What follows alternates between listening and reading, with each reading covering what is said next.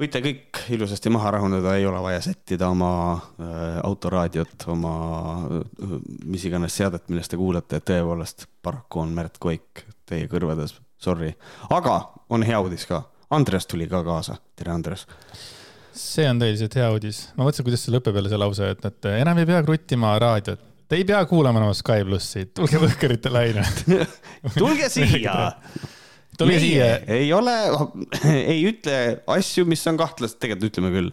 ütleb ikka jah. Äh, sest et see on Võhkarit number kaheksakümmend üks. Mhm. tere tulemast.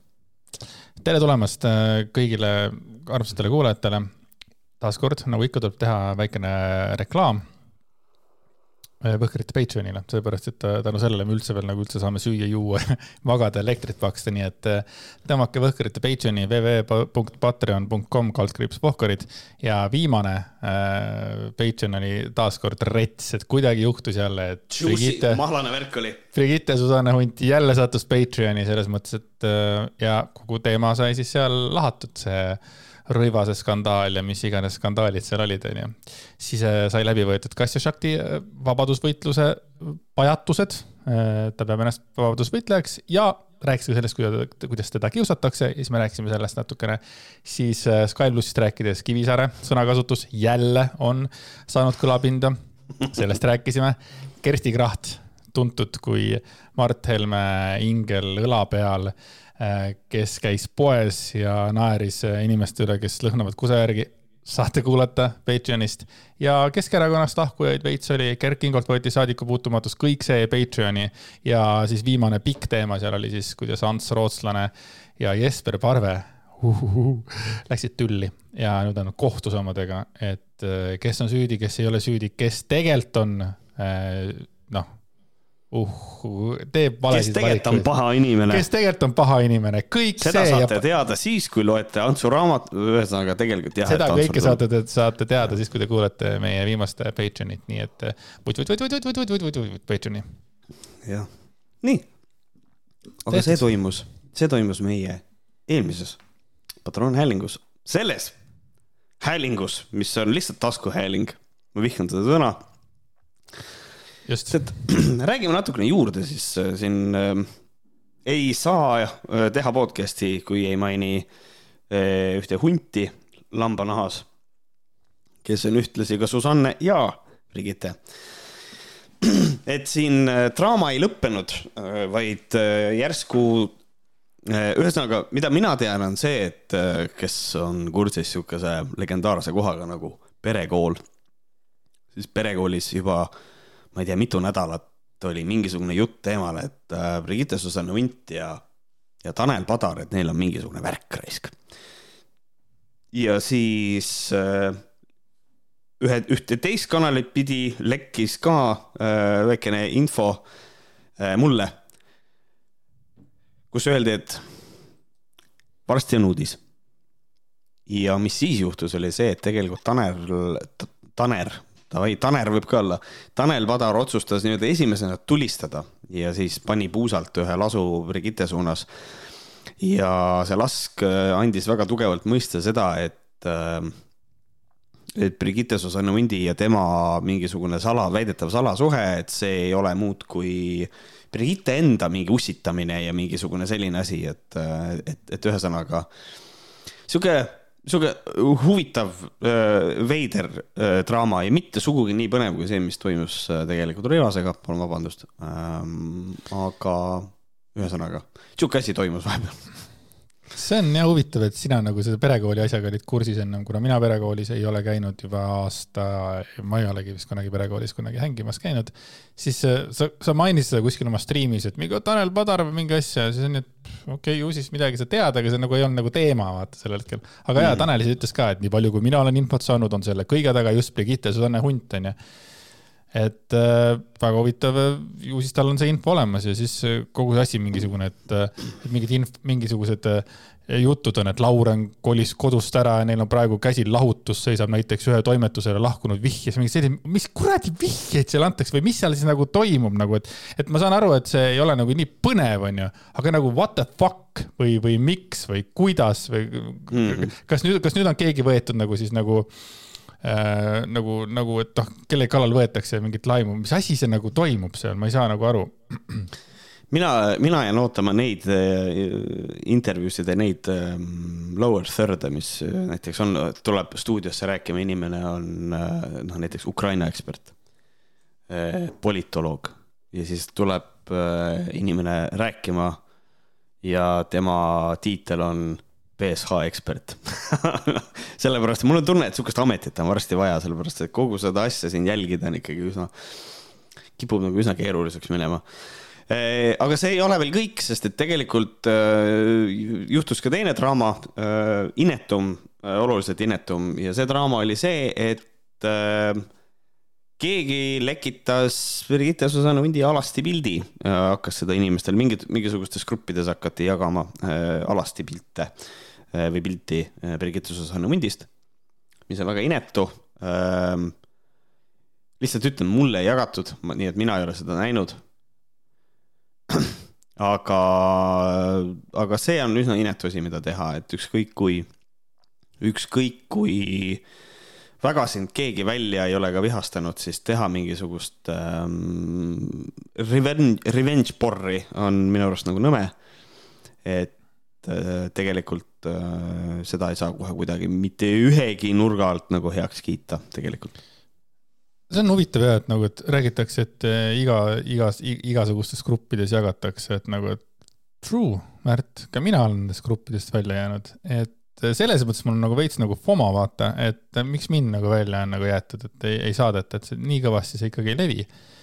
jah, mingid, mingid no, ju siis levib, aga mitte jah, me, et meie ei saanud, onju et kui nagu, nagu algallikas tahaks jagada seda tegelikult meiega, siis võhkarid.gmail punkt, ei, võhkarid, et. me lihtsalt küsime nudesid praegu või? okei okay.. selles mõttes, aga teistel on keelatud äh, jagada, et ainult kui äh, osatäitja tahab ise peaosatäitja sellel skandaalil. Äh, selle pildi võib meile saata ainult Brigitte Susanovitš ise.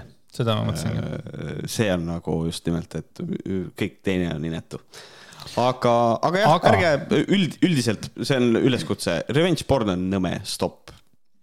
aga Brigitte tõi selle kohta ka postitused äh, ja siis ma võtan need ka kähku läbi. Brigitte kirjutas siis oma Instagrami story's, kõik mehed, kes te seda minu pilti edasi jagate, kas te saate aru, et äh, aitate grupiviisiliselt kaasa mingit viisi vägistamisele?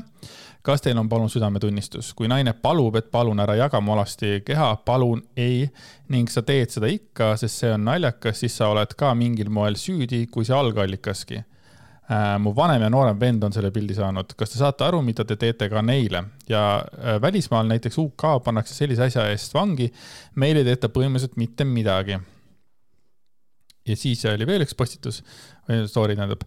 Ja BS see mu kutt juba omal ajal äh, jagas pilti naust ja lustist ja ma olin siis juba väga red flag, et miks sa neid edasi jagad. see ei ole naljakas ja lahe. juba siis oleks pidanud pikalt saatma sellise halediku, kes elab kaasa, kui kellegi privaatsust rüvetatakse kõige imetuma, inetumal moel. samamoodi teie naised, teie mees peaks ütlema teile, et ta ei näita seda pilti, isegi kui keegi selle saatis, sest mitte ühelegi naisele, mehele ei tohi niimoodi teha.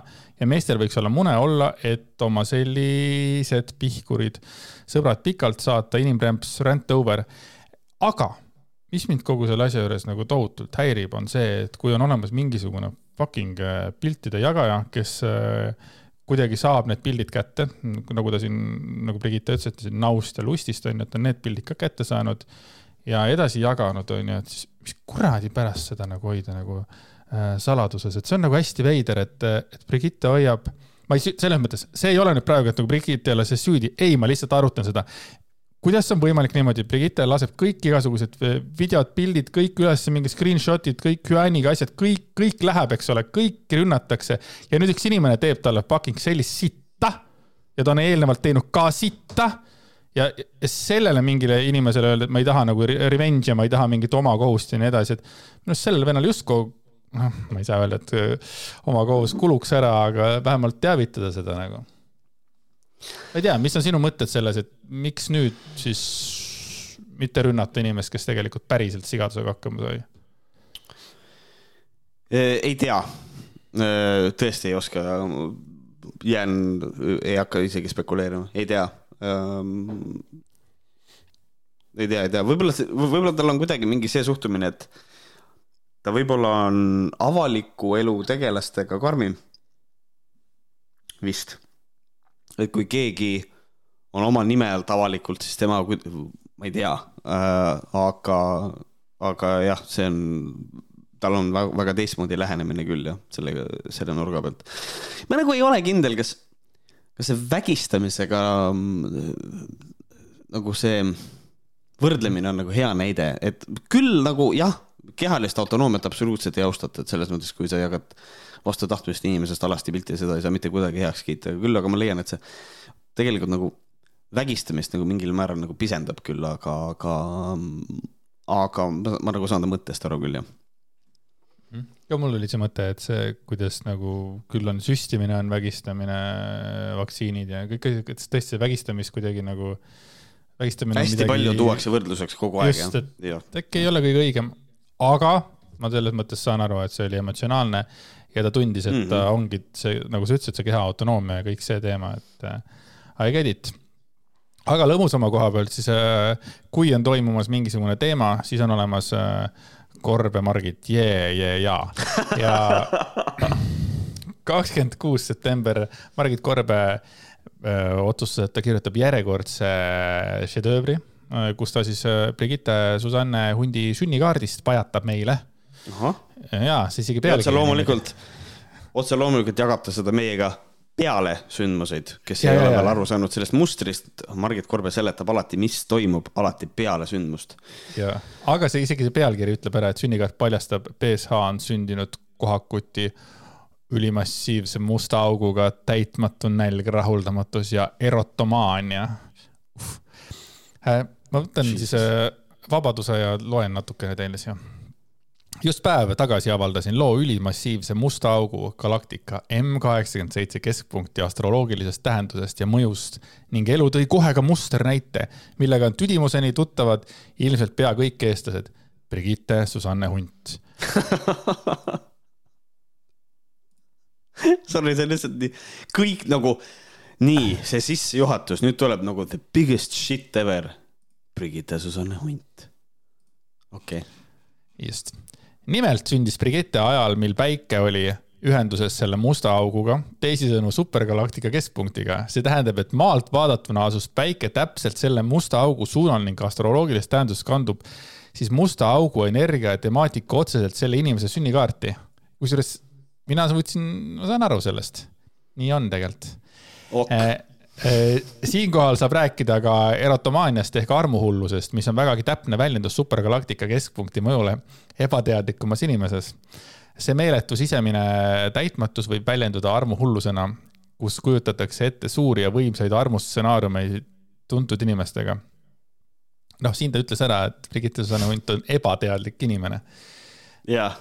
Davai Äh, tuleb aga mõista, et mitte kõik sel ajal sündinud inimesed ei koge oma päikeseühendust musta auguga ühtemoodi, see oleneb väga palju inimese individuaalsest arengutasemest. teine, teine virutus Brigitte Susanne arengutasemeni. Äh, kui tegu on emotsionaalselt, intellektuaalselt ja vaimselt küpsema inimesega, võib ta kasutada seda nii-öelda musta augu dünaamikat teiste tervendamiseks ja abistamiseks. kolmas kord. just meil on siin ka teisi sünnipäevalapsi, kelle päike jääb samuti supergalaktika keskpunktiga ühendusse, näiteks Taavi Rõivas. siin saab igaüks oma järeldused teha. Vau, samuti ka Birgit Sarrap, kes tundub hoomavat seda äh, väga palju väge, äh, palju tasakaalukamalt. loodetavasti lisab äh, teadmine päikese ja supergalaktika keskpunkti ühendusest uue aspekti BSH fenomeni mõistmisse.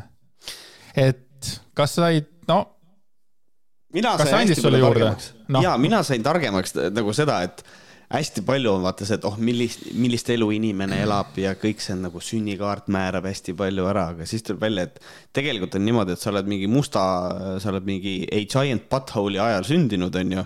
sul on sünnikaardil a giant butthole. aga siis, et seda enda kasuks pöörata, vot siis on vaja emotsionaalset küpsust, et tegelikult vahet ei ole, äh, mis ajal sa vist sündinud oled sa ikkagi tegelikult, äh, korb annab nagu väga tugevat mõista, et noh, sa ikkagi pead olema haritud inimene, aga, aga, aga see on küll huvitav jah, et selles mõttes on sul ikkagi tuline õigus, et ta tundub, et ta ikkagi paneb sind Brigittele nagu natuke puid alla. ja noh, kui sa oled, äh, kui sa oled intellektuaalsem ja vaimselt küps inimene, siis sa saad seda kasutada enda heaks, aga noh, oh well. sihuke, sihuke vibe on küll jah ei, see on tõesti armas, mulle ka meeldib, et lihtsalt Korbe vaatab sünnikaarti ja, ja, ja, ja tegelikult sünnikaart ei tähenda mitte midagi, sellepärast et Birgit Sarrapil on kõik teistmoodi, kuidagi tema sünnikaart on põhimõtteliselt täpselt samas kuradi musta augu, kuradi, ma ei tea, kus kuradi Liliti M kaheksakümmend seitse galaktika, kuradi supergalaktika keskpunkti eba, mis kuradi asja sees ta on kõik. aga What? ei, tubli, Korbe jätka selles mõttes seda, seda sooja sita eh, produtseerimist eh,. see teeb rõõmu see teeb, tegelikult see, see, tahtis öelda, et see on hea sitt. aga, aga on ka olnud raskeid hetki tegelikult, Korbe on ka tegelikult kirjutanud halba sitta tegelikult, seda on ka olnud. jah, kusjuures äh, on olnud kirjatükke, kus kohast on aru saada seda, et tegelikult, tegelikult on kahe tunni pärast on tähtaeg ja on vaja midagi kiirelt kirjutada, et on, on olnud ja, ja, ja, ja tegelikult on nagu ööga magamata olnud, et väga sihukest sihukest vibe'i olen mina ka tunnetanud. Aga noh, ju äh, oli äh, Merkuur lihtsalt retrokraadis. Äh, rääkides. või Petrogradis või Petrogradis, just nimelt. rääkides Merkuurist ja sellest, et, et ta on retrokraadis ja inimesed on lollid peast ähm,. ühesõnaga, toimus Eestis, ma ei tea ähm,, ma mõtlesin, kuidas seda sissejuhatust teha, ma ei mõelnud seda välja enne, sellepärast et see on nagu nii absurdne olukord. ühesõnaga, Postimehes oli artikkel äh, pealkirjaga sadakond Võru ja Põlva noort kogunes omavahel arveid klaarima. konkreetselt Braveheart äh,, kellelgi oli nägu võõbatud siniseks ja ja röökisid üksteise suunas Freedom seal ilmselt, ma ei tea, et ühesõnaga pull lugu politsei sai eile õhtul kella kahekümne ühe paiku teate Põlvast, et Piiri tänavale on kogunenud suur hulk inimesi. politseipatrullide saabudes hakkas rahva hulk küll kohe laiali minema, kuid hinnanguliselt võis tipphetkel kohal olla kuni sada inimest vanuses neliteist kuni kolmkümmend. kogunemise põhjused ja asjaolud uurides rääkisid osalejad, et suhtlusrakenduses Snapchat oli tekkinud konflikt Võru ja Põlva elanike vahel ning seal kutsuti üles kogunema ja arveid klaarima, kirjeldas Postimehele kagupolitseijaoskonna grupijuht Taisto Paju seetõttu reageerisid sündmuskohale lisaks patrullpolitseinikele ka kiirreageerijad ja koerapatrull. näed, jälle inimestele saadeti. käpapatrull. käpapatrull millest siiski täpselt kogunemine alguse sai, on veel selgitamisel. küll aga ei ole kindlasti üleskutse füüsiliseks arvete klaarimiseks äh,, arvete klaarimiseks lahendus sotsiaalmeedias tekkinud tüli lahendamiseks, rõhutas Paju. Õnneks lahenes seekord kõik rahumeelselt ning kogunenud rahvahulk läks ise laiali. politseipatrull jäi veel piirkonda avalikku korda tagama, et vältida suuremate seltskondade taaskogunemist. öö möödus rahulikult. Põlva vallavanem Martti Rõigas, mitte ajada segi inimesega, kelle perekonnanimi on Rõivas, vaid Rõigas, kes on küll Reformierakonnas. kas sa tead mõnda Martti Rõivast äh, ei ütles, ütles Delfile, et on intsidendiga kursis külajutu versioone liigub igasuguseid, aga neid ei tahaks kommenteerida, sest need on erinevaid ja vastakaid, mis, mis neist ikka filosofeerida. tema sõnul. tal oli riimi, kuulsid jah? jah. vaata külajutu versioone liigub igasuguseid, aga neid ei tahaks kommenteerida, sest neid on erinevaid ja vastakaid, mis neist ikka filosofeerida? DJ MC Marty Roigas tema sõnul ei juhtunud õieti midagi, noored vaid kogunesid. sadakond inimest meil koguneb ka mujal Eestis, Põlva pole ka erinev koht. ikka saadakse kuskil suures parklas kokku ja liigutakse kuhugi edasi, sõnas ta. vallavanem pakub, et keegi on olukorda lihtsalt võimendanud.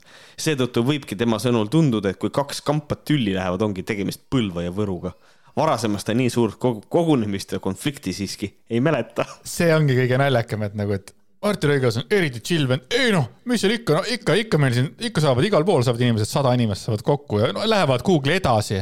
ja siis ütleb hiljem, et noh, ei noh, ma ei ole varasemalt mitte kunagi nii suurt äh, kogunemist näinud, mida vittu sa ajad siis üldse onju? lihtsalt, ei no ikka inimesed saavad kokku, sada inimest, ei noh, nii, nii, nii palju ei ole jaa, aga kuule ja, ja nii rahulikult seda võtta ka Põlva vana, vallavanema poolt, no ei noh, sada huligaani on või noh, sada, no, ei mis seal ikka.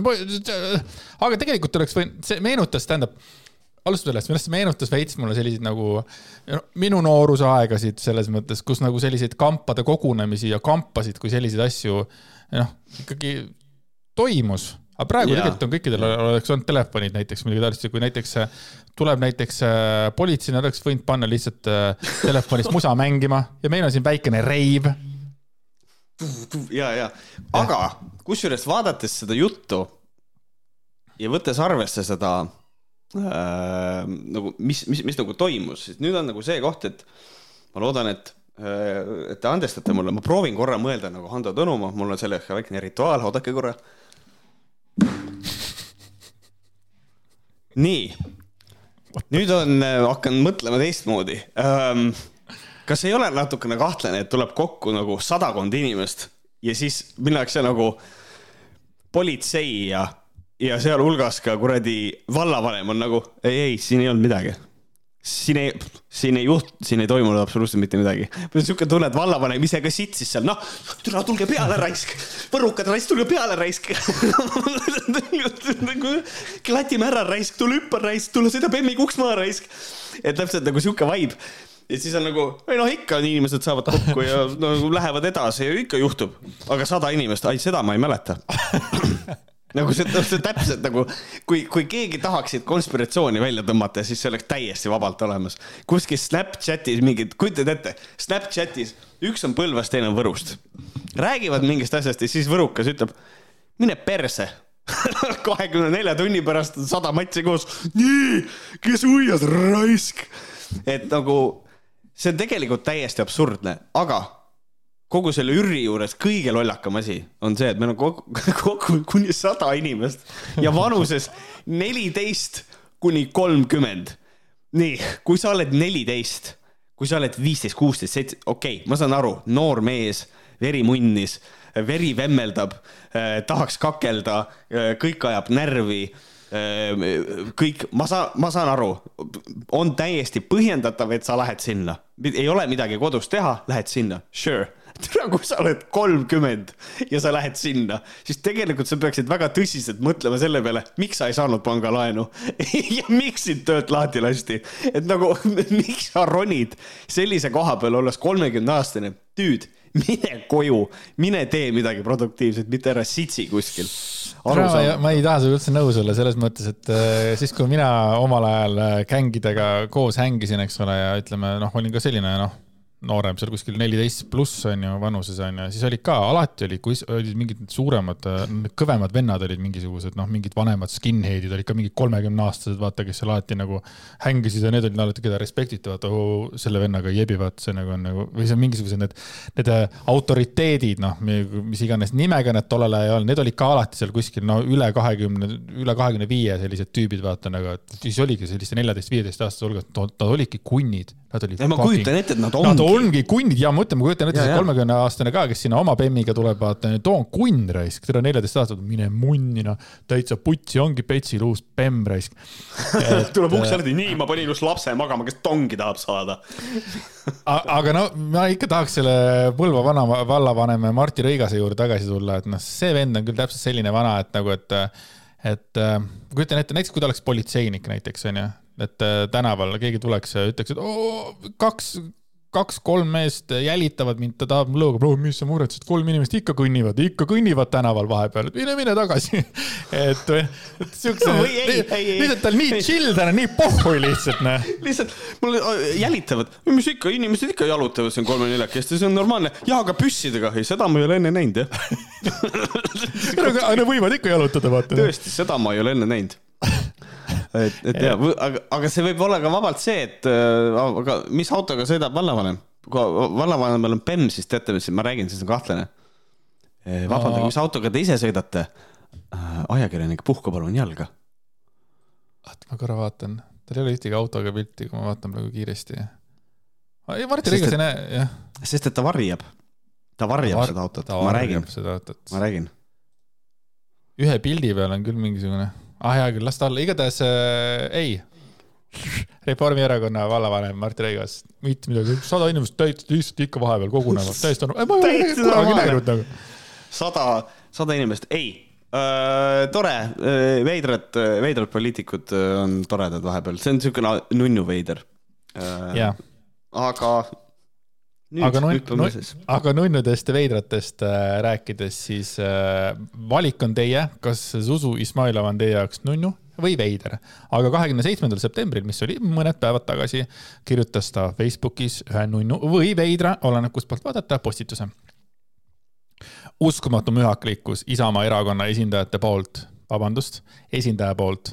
esimesel pildil on minu jalgratas eile õhtul, nii nagu ma selle Riigikogu justkui turvalisse sisehoovi jätsin. järgmisel fotodel minu ratas pärast seda, kui Isamaa härrasmees Mart Maastik hiiglasliku maasturi ja järelkäruga parlamenti saabus onu Mardil polevat parkimiseks piisavat ruumi olnud ja aruka mehena leidis ta nutika lahenduse, teisaldades omavoliliselt talle mittekuuluva vara temale sobivasse kohta. härra oma teos midagi veidrat ei näe. tema jaoks on täiesti loomulik käitumine. temaga vesteldes selgus, et ta kolib parasjagu ja pargib Riigikogu hovis treilerit, kus hoiustab oma isiklikke asju ning osad asjad on äh, ta lausa Riigikogu hoonesse hoiule toonud kauboi äh, mütsiga emotsi. kas tõesti pole parlamendisaadikul laoruumi rendiks raha? Kui küsisin temalt, et kas poleks olnud viisakas paluda mu ratas ümber parkida, kui see ette jäi, Maastiku arvates oleks see olnud liigne pingutus. vestlusesse sekkunud ja maasturijuhi kaitsele asunud Monika Helme leidis aga, et jalgratast hoovi parkides äh, tegelen ma ilmse provokatsiooni ja koolikiusamisega. kui ma võtan selle postituse lahti Facebookis ja ma üritan nagu nendest piltidest nagu aru saada, esimesel pildil, kus kuradi kohas see ratas on, kas selle, äh, kas selle kile all või, kas sa näed neid pilte, Märt või? Äh, näen ikka, jah. nii, esimene pilt, kas see on siis selle kile all on see ratas või? Äh, kile all on ratas, jah. okei okay,, siis sisehoob, okei okay,, see on siis, davai. teise pildi peal on lihtsalt see maastiku siis nagu auto on ju Ford ja siis, kas see kolmas pilt, siin ta siis ta üritab näidata lihtsalt, et tal on nagu treiler taga, eks ole, või seda onju jah, treilaga. ja siis neljandaks, mis seal sees on, onju. jah, ta teeb pildi, et ta kolib ikka laud ja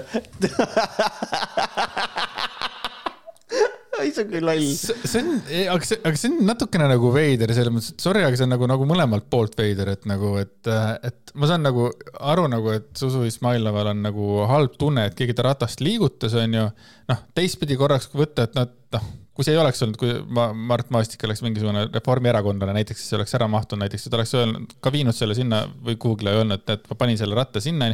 kas see on nagu, kas see oli nagu väärt seda kräunu ja siis hakata pildistama nagu fucking ekrelane pildistab kuradi ma selle Anah Lahe kuradi ma akent onju, et näed, kuradi homolipp on seal onju et mul on niisugune nagu, et kuidagi tundub mulle ka natuke nagu veider selles mõttes, siis samamoodi nagu rünnates seda mingi onu Mart ja mingid sellised asjad. Sorry, mulle ei meeldi Mart Maastik, Mart Maastik on täielik ahv, nagu nagu ei, ei, aga on, aga on, ta on ahv. Aga minu arust see on ka natuke veider nagu probleem, et, et hakata nagu tõmblema selle pärast nagu veits, et noh, tõstis su ratta eemale, mis nüüd saab siis? Nii äh,, minu seisukoht on äh,, on selle asja poolt niimoodi, et ma, ma paraku ei saa päris täpselt aru, milline on nende korraldus seal äh,. ma olen täiesti nõus sellega, et äh, sinna treilaga sõita on naljakas äh,. ma olen täiesti True. nõus äh,, ma olen täiesti nõus sellega, et äh, tegelikult äh, ma ei kujuta ette, et ma olen, mul on töökohas on, kujuta ette, et, et lähed tööle, onju, ja siis treilaga oma kodune mööbel on kaasas ja siis paned osad asjad, tassid töö no,, tassid kuskile oma töökohta hoonesse sisse. et noh, et see on tegelikult, see on noh, minu arust see ei ole normaalne. ja kui me võtame kontekstiks veel selle, kui palju teenivad palka meie, meie kuradi riigikogulased ja palju nad kuluhüvitisi saavad ja kõike seda Äh, rendi endale kuradi laopind, kuradi, äh, mis iganes on, mis sa ütlesid ta kohta. aga ah,, aga mis, aga teine asi, mis mind huvitab, on korraldus nagu selle koha pealt, et ma ei saa päris täpselt aru kas neil on mingid ettenähtud kohad või, või noh, ei saa olla, sest et siis ei oleks seda probleemi ilmselt olnud, aga lihtsalt hmm. natukene naljakas on see parkimise kord, et äh, Züleyxa ratas on keset platsi ma saan aru, tal on, tal on vist kolmerattaline, et selles mõttes, et seda kuskile seina najale ei panegi. Äh, aga seda saaks kuskile seina äärde ikkagi, seina äärde saaks ikkagi panna, et, et ma nagu päris täpselt, päris täpselt ei taba vaibi. või on seal see, et on ette nähtud, kui on ette nähtud kohtade arv, et kõik autod peaks saama sinna sisse ära pargitud, siis on nagu põhjendatud, miks see ratas on pandud nagu justkui autona sinna auto koha peale, sest et ruumi on ja mahub ja kui siis ta selle ratta sealt eest ära tõstis, siis on perses nagu, sest et siis on küll nagu see, et kes sa oled enda arvates nagu, mis nagu. et kui sa, kui sa mõtled seda, et nagu ruumi on nii palju ja. jah, kui ruumi on ja lihtsalt ruumi ei ole sellepärast, et sa tuled fucking treilaga tööle. vot siis mul tekib nagu küll see, et noh, tegelikult see nagu ei ole normaalne, onju.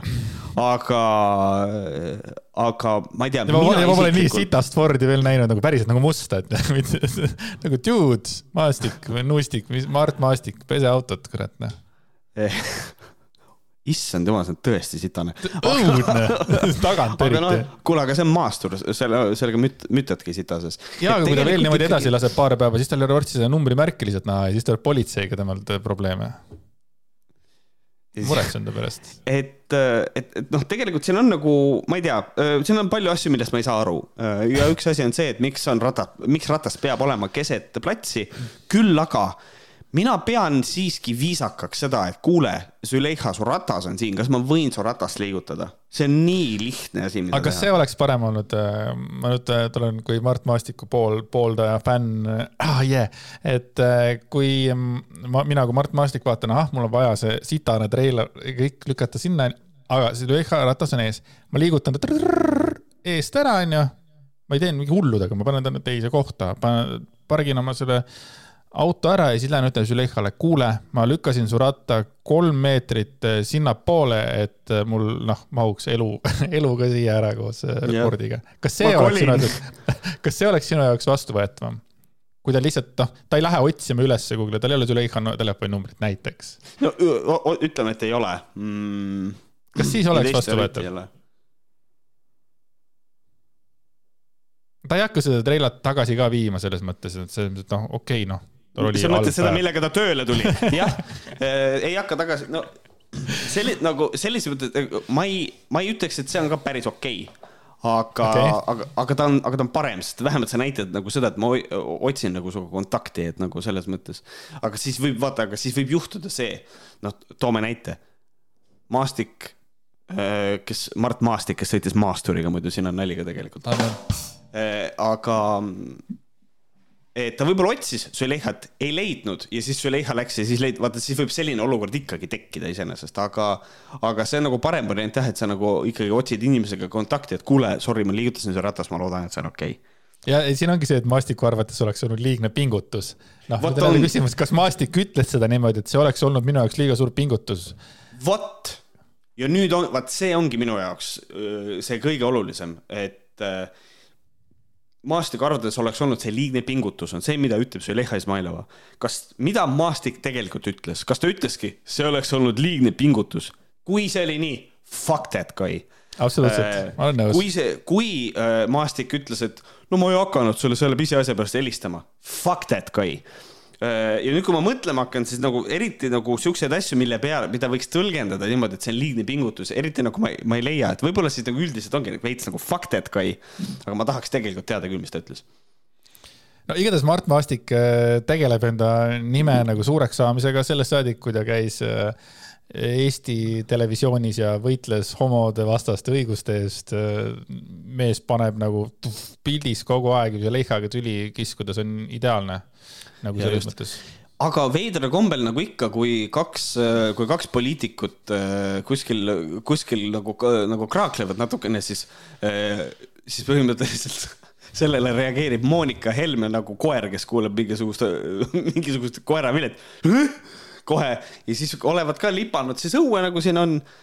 ja, ja loomulikult Helme võtab ikkagi isamaalise, nagu isamaalase poole ja ütles, et jalgratast hoovi parkides tegelen ma provokatsiooni ja koolikiusamisega, mis no ilmselt see on siis nüüd viide nagu ma mõtlen nagu Monika Helme poolt see, et nagu miks sa, miks sa pargid ratta keset teed, ilmselt tal on nagu seesama, sama point.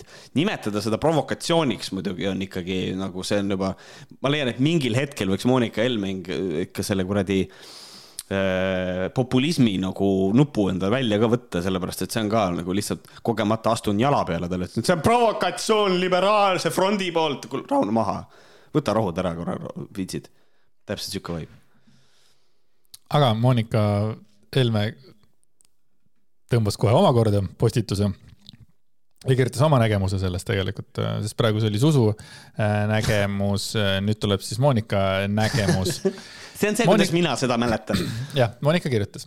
eriti hea oli muidugi see, et kui ma läksin vaatama, et mis lärm seal Riigikogu saali taga koridoris on ja nägin, kuidas Susu röökis akna all maastiku peale, siis olles natuke aega kuulanud, mis tobedad argumendid Susul on ja paar sõna vahele öelnud, teatas naine, minge perse ja kõndis minema ja selliseks on siis praegu Riigikogu uute liikmete tõttu muutunud Riigikogult kultuuritase. see, see, see lause oleks võinud olemata olla, muidu oleks tore olnud.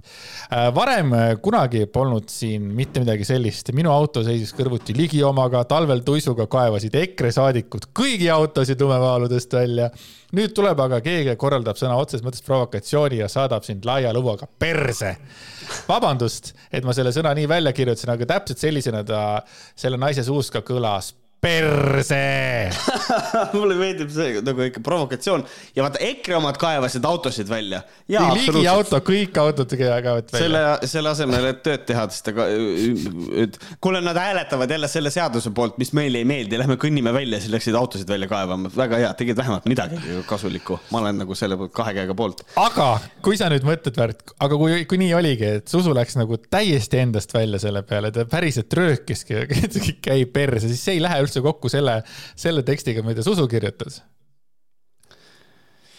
vaata ongi, et, et noh, et ega Zuzu nagu ise ei, ei öelnud küll oma postituses, aa muide, ma saatsin ta perse, vaat, et seda nagu, seda nagu ei tule, küll aga on inimesed reageerinud ja reageerimine on tore, Varro Vooglaid kirjutas ka kohe noh, sellepärast et kui vaadake riigikogus ei ole selliseid inimesi nagu Brigitte Susanne Unt, sealt on vaja probleemi ikka otsida. Ja kui probleem on jalgratas ja kuradi mingi maastur, siis on nagu kõik lendavad peale, isegi Vooglaid. ta isegi ei jää ootama meili sealt ida poolt mis annaks talle suuniseid, kuidas seda teha, ma ei ütle, et, et see niimoodi on. Äh, aga Varro Vooglaid äh, kohe pani nii, et maa must. Züleyxa Izmailova saatis eelmisel nädalal Mart Maastiku Riigikogu istungisaali taga asuvas koridoris valju häälega otsesõnu perse muidugi tema kasutas tärne, tema ei suutnud, tema kristlik mees, tema ei suuda ära teha seda, et tema kirjutab sõna perse välja põhjuseks asjaolu, et Maastik oli tõstnud Izmailova poolt Riigikogus sisehoovist demonstratiivselt autode parkimisalale jäetud kolmerattalise jalgratta veidi mõned meetrid kõrvale, et oleks ruumi oma järelkäruga auto parkimiseks. sellist kultuuritust, nagu olen näinud Riigikogus, ei ole ma ausõna kohanud üheski varasemas töökollektiivis, sest et sa ei ole tööl käinud, Vooglaid. võib-olla sellepärast. no Markusega nad käisid tööl koos sellest ajalugu vaikib. nagu võib-olla, võib-olla on vähe tööl käidud nagu selles mõttes, et eh, kultuuritus uh,, sure, okei okay., aga kui me siin nüüd Andresega räägime, neli tundi tagasi Zuzu Izmailova on võtnud kätte ja postitanud pika postituse Facebooki, ma seda kõike ei hakka ette lugema, sellepärast et eh, see ei ole book review, mis me siin teeme. aga pika teksti hoiatus. riigikogu liige teab, et jalgratas on sõiduk. kui eelmise nädala teisipäeva õhtul oma igapäevasteks sõitudeks kasutatava kastiratta ööseks Riigikogu hoovi otsustasin jätta, ei osanud ma selle pealegi tulla, et rahvaesindajate hulgas on inimesi, kes omavoliliselt teiste vara kallale võivad kippuda. on üsna jahmatav, et korrektselt Riigikogu hoovi pargitud jalgratta kallal omavolitsenud saadik ei näi mõistet, miks tema käitumine probleemne on elementaarse viisakuse ja teisi austava käitumisnormi, normi järgi, mis koduse kasvatusega kaasa peaks käima, on enamikele meist selge, et asju, mis pole sinu enda omad, ilma loata ei näpita. nüüd on selge, et Mart Maastiku puhul need lihtsalt tõed ei kehti. siin on nagu selline vibe nagu Izmailov natukene nagu paneb minu arust ikkagi nagu nagu Mart Maasik tõstis su ratast natuke, ta ei nikkunud seda, palun vabandust, et ma niimoodi ütlen, aga nagu siin on nagu see mulje nagu selline nagu Maastik oleks lihtsalt kott hõõrunud selle ratta peale. et nagu tegelikult see asi ei ole nagu nii hull.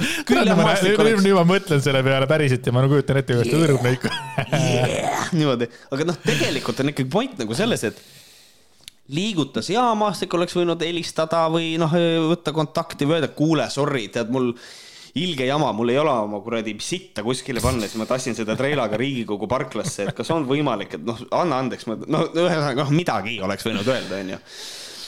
ja siis ähm, ja siis on sellest tulnud selline draama. vea tunnistamise ja vabandamise asemel on Maastik ebakultuurse teo välja vabandamiseks esitanud mitmeid vale, mitmeid valeväiteid faktide kontrollimise käigus oli lihtne tuvastada, et Isamaa saadik valetas Postimehe ajakirjanikule, kui väitis, et tegu on vaid autodele mõeldud parkimiskohaga ja Izmailov ei tundu, ei, ei tundvat kehtivaid reegleid, jättes mulje, nagu poleks jalgratta parkimine seal lubatud. vaatame siis, mida ütlevad faktid liiklusseaduse kohaselt sellist asja nagu autoparkla ei eksisteeri seaduse kohaselt on sõidukite parkimiseks ette nähtud parkla ja seadus ütleb selgelt, et jalgratas on sõiduk. riigikogu majandusosakond kinnitas samuti, et Riigikogu lossi hoovis keelu või kindlaks määratud alasid üht või teist liiki sõidukitele kehtestatud pole. samuti pole lossi hoovis nimelisi või ametikohtadest tulenevaid parkimiskohti kindlaks määratud. seega tegelikult ei tunne reegleid hoopis maastik. see on väga, see on väga murettekitav ja ohtlik, et suure maasturiga ringiva riigikogune liiklusseadust ei tunne. vaata, nüüd ongi see, et ma olin alguses veits Izmailova paadis, aga kogu see postitus liigutab mind nagu sinna paati, et teate, get a fucking room nagu reaalselt, see on nagu, see on lapsik ehm, et, äh, et, et ühesõnaga see läheb siin edasi ja, ja see, see postitus, et noh, tegelikult see on, tegelikult see on cringe, see on päriselt ka, see on cringe, et äh, see on lihtsalt äh, küll ma ei nimetaks seda poliitprovokatsiooniks, sellepärast et ma ei ole, ma, ma olen, ma hingasin lapsena nina kaudu rohkem kui suu kaudu, aga, aga, aga selles mõttes, et tuleb tõdeda, et natukene tobe on see olukord küll ja ei, ma käisin praegu silmadega kähku seda pika postituse läbi ja nagu lõpeta ära tegelikult ka noh. no jep. kuradi asi see on nagu. aga mina usun selles mõttes Monika Helmet, ma tulen tagasi Monika Helme juurde Monika... mina usun Monika Helmet. mina usun Monika Helmet peale seda, kui tema likeis minu pere ja kodu äh, ühte artiklit äh, care, care emojiga, siis türa tema mina usun, et Izmailova, mina usun, et Izmailova saatis perse Mardi lihtsalt aga kas ta oma pikas postituses ei ütle seda, et ta perse saatis või? ma ei, ma ei näinud seda jah. seda, seda ta ei lükka ümber, aga ta lükkab ainult Mardi äh, asju ümber, mitte Monika. äkki Monika on nii väikene kuradi mutukas tema jaoks? noh te,, teate, ütlen ausalt, siis tegelikult ähm, las ta, las ta siis olla. väike perse tuli, noh, ei ole midagi käib, muidugi see on nii tore Riigikogus. kuule, miks sa miks sa nagu, ma, kujutan ette, see nägi täpselt niimoodi välja, nagu eestlased vaidlevad, see ratas, aga miks sa, miks, miks sa, miks sa mul olid siin maastik? ja siis, mis, mis, mine perse, noh, umbes niimoodi see välja nägi minu arvates ja siis Monika Helme oli kõrval. ongi, noh, sihuke mingi ja siis, ja siis pärast oli sada inimest oli kohal ja klattisid arveid endised rohelised ja, ja isamaalased asi läks Snapchatis üle piiri. väike callback meie eelnevale teemale. viiskümmend isamaalast ja viiskümmend rohelist, no rohelisi muidugi nii palju ei ole, aga kümme rohelist ja üheksakümmend isamaalast, sest praegu tundub, et asi läheb niimoodi või on nagu lihtsalt see, et tulid siis kohale kõik, kõik poliitiliselt aktiivsed rohelised ja, ja isamaalased ja seal oli üle saja isamaalase ja mõlemad rohelised olid ka kohale tulnud. Aga nemad olid ka omavahel tülis, vaata, Laila Kahik oli ühel pool ja Evelin Sepp teisel pool. oh my god, hea küll, kuulge, see oli tore. See oli lihtsalt meie väikene torge roheliste pihta, et me teame, et tegelikult see maailm on Eesti kahesajas, rahunege maha, kõik. Stop typing aga. nagu juba paremal käel äh, Mailis Reps ütleb mulle seda ja vasakul käes Evelin Sepp ütleb nii, äh, loe kirja meile laekus üks kiri äh, ja kiri tuli Tanelilt ja Tanel kirjutab meile niimoodi. tere Res-, respekt, vägevat saadet teete ja jõudu-jaksu edaspidigi seda teha. teemad tuusad ja eriti meeldib, et valgustate inimesi igasugu huina-muina inimeste eest, ette-taha nägijad, imekivide müüjad. üldse mitte pahaga, aga tundub, et teil pole kummalgi olnud probleemi pidevalt haukuva naabrikoeraga või siis endal koera olnud esimest pole ka minul olnud, aga õe juures on antud mure ja alguses ütlesin täpselt sama, et mis sa jaurad, aga peale neljandat päeva aias aidates teda mõistsin muret vägagi. omavahel ei saa rääkida normaalselt, rääkimata mingi õdus olemine grill chill. ei kujuta ette, et laps oleks ja tahaks teda hoovis vankris magatada näiteks. ja miks peaks inimene ära kolima oma kodust, kui tema pole probleemi tekitaja? Koera pole olnud, väidan põhjusega, et peaksite teadma, et ükski koer ei haugu hea meelega päev läbi või nii tihti kui teie ette loetud loos. ilmselgelt on neil mingid hirmud või midagi puudu või pole nendega õige, õigel hetkel tegeletud. kahju nendest koertest, lugupidamisega, Tanel. nii ähm,. aitäh, Tanel, kirja eest äh,. mul on olnud koer äh, ja mul on olnud koer, kellel oli probleem sellega, et ta haukus kogu aeg tema nimi oli Rondo. Ehm, tegu oli koeraga, kelle ma sain, kui ma läksin esimesse klassi. Ehm, seda koera ei ole enam juba mitu-mitu-mitu-mitu aastat, üle kümne. et ma, ma tean, mida see tähendab. ma saan aru, tegid oletuse, sure, davai, aga, aga on olemas kogemus, jah, ja ja ma ütlen ausalt, ma ei tea, mis sellel koeral viga oli. Äh, ilmselt, ilmselt puudulik kasvatus äh, minul kui noorel, äh, aga tahaks natukene rääkida sellest ka, et miks peaks inimene ära kolima oma kodust, kui tema pole probleemi tekitaja. sellepärast, et teist lahendust ei ole. kui, kui sa oled, ütleme näiteks niimoodi, et on kõrvuti on kolm krunti ja sa, ja sa, ja sa, ja sa kolid sinna ja, ja mõlemal on koerad, kes hauguvad kogu aeg ük, üksteise peale, sinu maja on seal vahel. siis see on selline olukord, kus kohas ütleme, et kui lahendust ei ole, mitte mingit lahendust ei ole, on, on tegeletud, koerad hauguvad, kõik on, kõik on seaduse silmis ka okei okay, nagu, et koerad hauguvad, mitte midagi teha ei ole. mis sa siis tegema pead, kas sa siis arvad, et kumb on nagu su vaimsele tervisele parem, kas ära kolida või olla seal äh, kuradi kahe koera vahel edasi. Äh, see on, see on nagu see ärakolimise argument või see, et koli ära, see tulebki nagu sellest, et äh, inimene peab arvestama mingisuguste asjadega elus, kui ta kuskile kolib, teatud, teatud võimalustega. On vaja alati arvestada. Mina, kes ma olen värskelt siin maale kolinud pooleldi ja kavatsen maale kolida, siis mina näiteks tean ka seda, mina olen arvestanud sellega et kui minu maja öö, läheb öö, põlema näiteks, siis läheb väga kaua aega, enne kui minuni jõuab tuletõrje. ma olen arvestanud sellega, et kui mina saan infarkti, siis ma tõenäoliselt suren kodus ära, sest kiirabi ei jõua minu juurde. Need on asjad, millega on vaja arvestada ehm,. kuidas siis on, kui ma tahan, et kiirabi jõuaks minu juurde, ma räägin seda sellepärast, et minu isa sai kodus infarkti ja, ja sisuliselt ikkagi suri ära. et mis siis on, mis see lahendus siis on? Sest mina ei ole selles probleemis ju tõepoolest süüdi, et kiirabi kohale ei jõua, selles on süüdi mingisugune riik, teatud haldus on selles süüdi. aga kui ma tahan kiiremini, ütleme, et ma tahan olla paremas kohas, siis ma pean ära kolima sealt. et, äh, et teatud asjad on, millega on vaja arvestada ja, ja, ja sellepärast ma seda ka, sellepärast ma seda ka ütlesin, et kui sa naabritega kokkuleppele ei jõua, kui mitte mingit muud lahendust ei ole ja sa ei taha, et su kõrval koerad hauguvad, siis sa pead ju ära kolima. teist varianti ju ei ole et äh, ma ei tea, äh, minu kaks senti. mul ei ole ühtegi senti, et äh, nii on. ja tegelikult noh, tunnistagem ausalt, kogu see Ülenurme see loomade vastane asi on juba veits nagu naljakas, et nagu ma isegi ei võta seda nagu mingit nagu tõsist teemat, sest see lehmade teema, eks ole, ja, ja mm, -hmm. ja, ja, ja, ja hobuste teema ja nüüd see koera teema, et nagu, et see on kuidagi, ülenurmekad panevad ka hullu oma kuradi oma hädadega tegelikult ka, et nagu mingi perse ausalt öelda mädadega.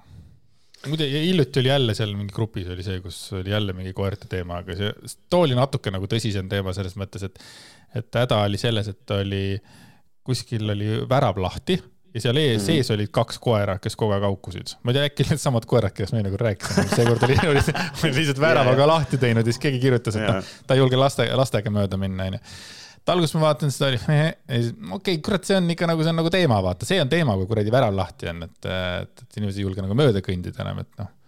selle kõrval see auku koer ei tundugi enam nii hirmus, kui ta kellelegi liiga ei tee. jah, et ma, ma nagu, ma nagu saan sellest aru, inimesed nagu kaitsevad väga nagu oma kodu ja ma saan aru, mis mõttes mina pean ära kolima, et see nagu läheb nagu neile nagu pihta natukene, kui ma ütlen, et noh, et kurat, kui sa teisiti ei saa, siis sa pead lihtsalt ära kolima. Aga see on ebameeldiv tõde, kui sa teisiti ei saa, siis sa peadki ära kolima. et lihtsalt noh, sorry ja kolimine on väga eba, ebamugav ja üheksakümmend üheksa koma üheksakümmend üheksa protsenti inimesi ei koli ära, ma, ma saan sellest aru. ehk siis lahendust ei ole. ma ei tea, palju õnne. nii on, et see on kurb, kurb, Tanel, et, et elu on kurb.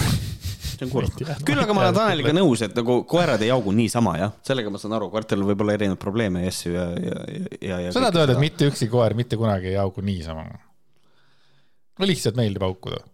no ma ei tea, kas sina oled vahest ähm,, ärka, ärka, ärka, ärkad hommikul üles, mõtled, kurat, täna on see päev. siis lähed alla elu, elutuppa. ja lihtsalt ja paned päeva lõpuni. jah, ikka. Et noh, et, et üldiselt nagu ma arvan, et mitte.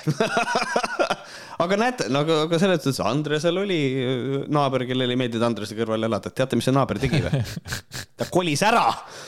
nii et ja nüüd ta karjub oma laste peale hoopis kuskil mujal selles mõttes sest et ma segasin tema rahulikku laste peale karjumist. vastik, tegelikult. mul ei lastud olla seal. kurat, ma karjusin lapse peale, siis tuli paukuma raisk. Minu lapsed, ise tean, kuidas kasvatan neid. aga äh, rääkides šokeerivatest koertest lastest, siis räägime ka šokeerivatest äh, kuruskandaalidest äh, läbi aegade, mida, millega kostitas meid äh, Kroonika ja ta kostitas meid sellepärast, et äh, Jesperi ja Hansu vahel oli tüli äh, millest me rääkisime Patreonis, nii et www.patreon.com kaldkriips Vohkarid, let's go, mine kuula asju. Ja Greta Kaupmees ja Margaret Petrova tegid siis selle ülevaate ja võtame siis äh, step by step selle ka äh, läbi, et äh, näiteks, mis tülid on olnud. on olnud kuruskandaale, mis on raputanud avalikkust ja tulnud rahvale ootamatusena. mõnikord on olnud skandaali tagant kättemaksuhimulised naised mõni vaidlus on viinud ka kohtuni välja, nagu näiteks Jesper Jansu vaidlus, mida te saate vaadata www.patreon.com kaldkriips Pohkarid. Näiteks äh, tantraterapeut tegi siivutuid ettepanekuid. kahe tuhande kolmeteistkümnendal aastal jõudis meediasse lugu paarist, kes pali püha Tampaksi ringi templit külastades. mida? tampaksi ring on väga hea. Tampaksi ringi templit külastades ei suutnud oma kirge taltsutada ja astus seksuaalvahekorda. abielupäeva, oota, abielupaarile määrati tuhande kuuesaja eurone trahv, mille eest tempel puhastati. muide, mida nad tegid? kuula, aga tegid kaks tuhat, aga kaks tuhat kolmteist, tuhat kuuesaja eurone trahv. päris rets ju. see on ikka, see on ikka, jah, see on ikka pumm, see on ikka jurakas. jah, tõesti, mida nad tegid, kõik asi, olgu. Igatahes äh, pärast intsidenti äh, panid Indoneesia võimud Pali saare templitesse hoiatussildid, mis keelasid seal vahekorda astumise. kas te saate aru, kui kõva tööd tegid kaks imelist Eesti inimest, kes olid Nende pärast, Katrin Lukas, kelle vaimne nimi on äh, tantroprintsess Jaja Shivani. neiupõlve nimega Kraht. Ta on Kersti Just. Krahti tütar, toimetus on märkinud seda ka veel. ja tema meile väga tollane, tuntud inimene juba. oo oh jaa, ja tema tollane abikaasa tantrakuru Urmas Silman. uudis levis lausa üle maailma, paar lahutas, kuid pärast abielu jätkusid skandaalid ja vastastikku loobiti teravusi. mina mõtlen nagu selle, mida see tähendab, et nad astusid vahekorda, siis neile mä- määrati selle eest tuhande kuus eurone trahv ja selle eest tempel puhastati. nagu, nagu mis asi, kas, kas see lihtsalt, kuule, situs ei ole ja nagu, mis nagu või see, või, või, või on see puhastamine see, et keegi käis. ma arvan, et see on see, aga seal võis olla ka selles mõttes, et see seks oli nagu räpane, et seal toimus tõesti igasuguseid asju peale kusemisi äh,. nagu sina ütlesid, võib-olla Bekaaliga mängu, võib-olla noh, igast asju võis olla seal, võib-olla ülisuur seemnepurse, no midagi seal toimus, et see pidi nagu puhastada, me ei tea seda ja, Shivani ära kaeva kohtusse, me lihtsalt praegu mõtleme, et mis see võis olla, miks puhastati. ja me, me Nagu- spekuleerime, sest me ei saa aru, vaata, me oleme debiilikud ja me ei saa aru, et tempel puhastati, mis mõttes puhastati. kui keegi ütleb puhastati, siis mina kujutan ette moppidega inimesi, kes ütlevad, oi jumal küll, vadi, see on sihuke hunnik sperma, oi, oi, oi, et noh, et oh my god. lihtsalt, kuule, meil oli templis väike õnnetus, kaks eestlast tulid, nii, mis nad tegid, no vaata. lihtsalt. lihtsalt ja, ja kaks eestlast said hakkama, nad panid maha sellise märgi, et nende pärast need sildid. Please do not have sex while, while in the temple. I love it.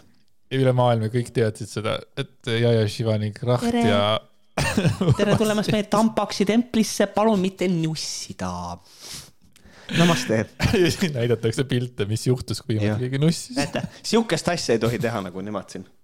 Te võib-olla küsite, et mis asi see siin põrandal on.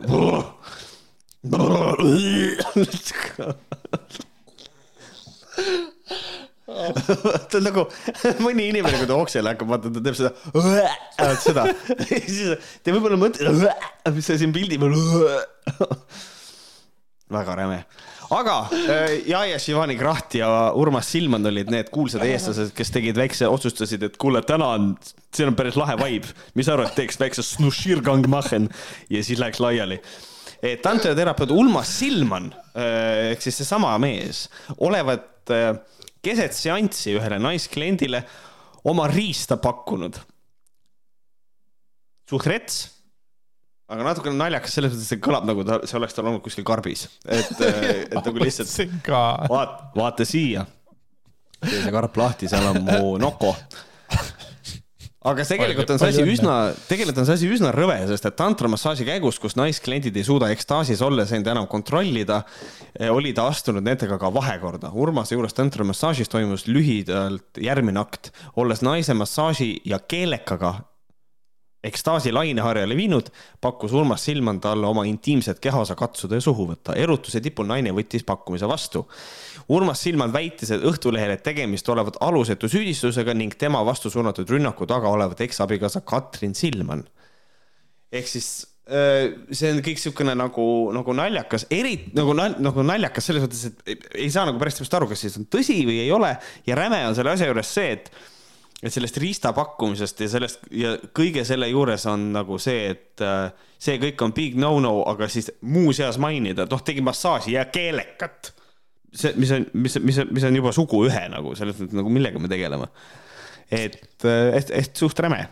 suht, suht, see on huvitav, et. siin ta on öelnud, et selle rünnaku taga on äh, tema eksabikaasa Katrin Silman, kes siis eel- eeldatavat, eeldatavasti on Katrin Lukas, eks ole? Vist küll jah, sest et ta või on veel mingisugune vaata, ta on sellepärast teise, ongi nii, see on nii persest, vaata sellepärast ongi, neil on kõigil kuradi kaheksa nime raisk. täna olen Katrin, homme olen Jaja, siis olen Shivani, et noh, need on nii, see on, see on ka, oota, Merilin Taimre, oota ei, siis ta oli Kasia Shakti Shabat, ei, siis ta oli Untainted Nomad. et noh, et mulle jääb mulje, et ikkagi seesama jah. inimesed arenevad. ja, ja nimed koos nendega. No, no selles mõttes taandarengut võib ka nimetada arenguks, selles mõttes absoluutselt muidugi, jah. sest keegi pani endale nimeks ka doktor Alban näiteks. True. täiesti normaalne, eks ole. doktor Bombay esinimi on doktor. nii, aga eh, see on siis üks sihuke kõige kuradi eh, robustsem nagu, võiks isegi öelda power couple, et nagu suutsid, suutsid nagu jätta ikka kultuurilise jälje Eestist, rüvetades templit ja siis pärast rüvetades üksteist. aga eh, järgmine guru skandaal, võib-olla inimesed mäletavad, oli see, kui Veet Manood süüdistati sellise blogija nagu Kadri Luik, nagu Kadri Luige suri ära kunagi ja siis ähm, süüdistati selles Veet Manood. ja seda tehti siis seitseteist mai kaks tuhat kuusteist, saatis Kuuuurija otse loomulikult, sest et äh, Katrin Lust väitis Kuuuurijas, et ameeriklasest ravitseja Veet Mano juhendamisel lõpetas blogija Kadri Luik lõppenud vajalike ravimite võtmise ning suri. Mano heitis ette, et saade tõmbas kriipsu peale tema karjäärile ja kaebas Lusti kohtusse. see saade hävitas mu, põhjendas Mano äh, kohtusaalis, miks ta soovis Lustilt saada nelikümmend viis tuhat eurot valuraha. See polnud ajakirjandus, vaid teadlik katse Veet Manod hävitada, pidas ta süüdi, süüdistusi ebaõigeteks ja ebaeetilisteks. seejuures näidati TV3 varasemas saates Appi tuleb selgeltnägija, et Veet Mano oli soovitanud tal ravi jätkata ning ühtlasi paralleelselt ka parandada toitumist, et tulemus oleks efektiivsem. meditsiinilisest ravist hoiduda ta ei soovitanud ja nüüd tuleb oluline osa. Harju maakohus mõistis teleajakirjanik Katrin Lusti süüdi selgeltnägija Veet Mano kohta ebaõigete väidete esitamises. Kohtuotsuse järgi pidi Lust oma valeväited nüüdseks Kanal kahte kolinud autorisaates ümber lükkama ning tasuma kümme tuhat eurot hüvitist ja seadusjärgse viivise. et ähm, ma ei tea, ma olen endale siia teinud märkme, et ilmselt äh, selles, et ta süüdi jäi, on süüdi äh, põhimõtteliselt tema saate toon, kuidas kuuurijat tehakse ja ilmselt ka sõnastus. et Lustil on natukene küll nagu see mure, et ta on kuidagi, no talle heidetakse ette seda, et ta on, kajastab asju ühe, ühepoolselt, on ju, ühekülgselt. aga mul on selline tunne, et ta, tema uuriva ajakirjanduse probleem on see, kui ta on mingis asjas ise veendunud, siis ta üritab teist veenda ja kipub äh, natukene nagu rääkima justkui nagu faktidest. Äh, see on, kui ma olen Kuuurijat vaadanud, siis see, see vibe on väga tugevalt tunda. Nii on jah, mulle meeldib see, kuidas sa ütled Veet Mano. kas, kui sa ütlesid Veet Mano, Veet Mano, Veet Mano? No natuke eksotilisem. väga ma... lahe lihtsalt, see kuidagi kohe tekitas nagu sellist vau, mingi sellist vau, nii saab ka öelda, Veet Mano. Mm.. Veet Mano. Katmandu. igatahes eh, järgmine vahva jutumärkides selles mõttes ei vahva ega nunnu tegelikult, äh, aga Igor Mang avas Põõnas tšakraid kahe tuhande kaheksateistkümnenda aasta alguses toodi Pealtnägijas avalikkuse ette üks ahistamisskandaal, mis oli seotud Eesti kuulsaima tähetarga Igor Mangiga. mitu naisklienti väitsid, et ta käperdas neid Kadrioru pargi puuõõnes hargi vahelt, nimetades seda tšakrate avamiseks toimetusel oli teada viis juhtumit, kahe puhul oli pöördutud ka politseisse, mulle meeldib seda lihtsalt, et äh, hargi vahelt sihuke sõna lihtsalt pannakse siia, et see on nagu hargivahe või, nagu päriselt. aga olgu, äh, väidete kontrollimiseks tehti mitu ajangu- oh,, mitu ajakirjanduslikku eksperimenti.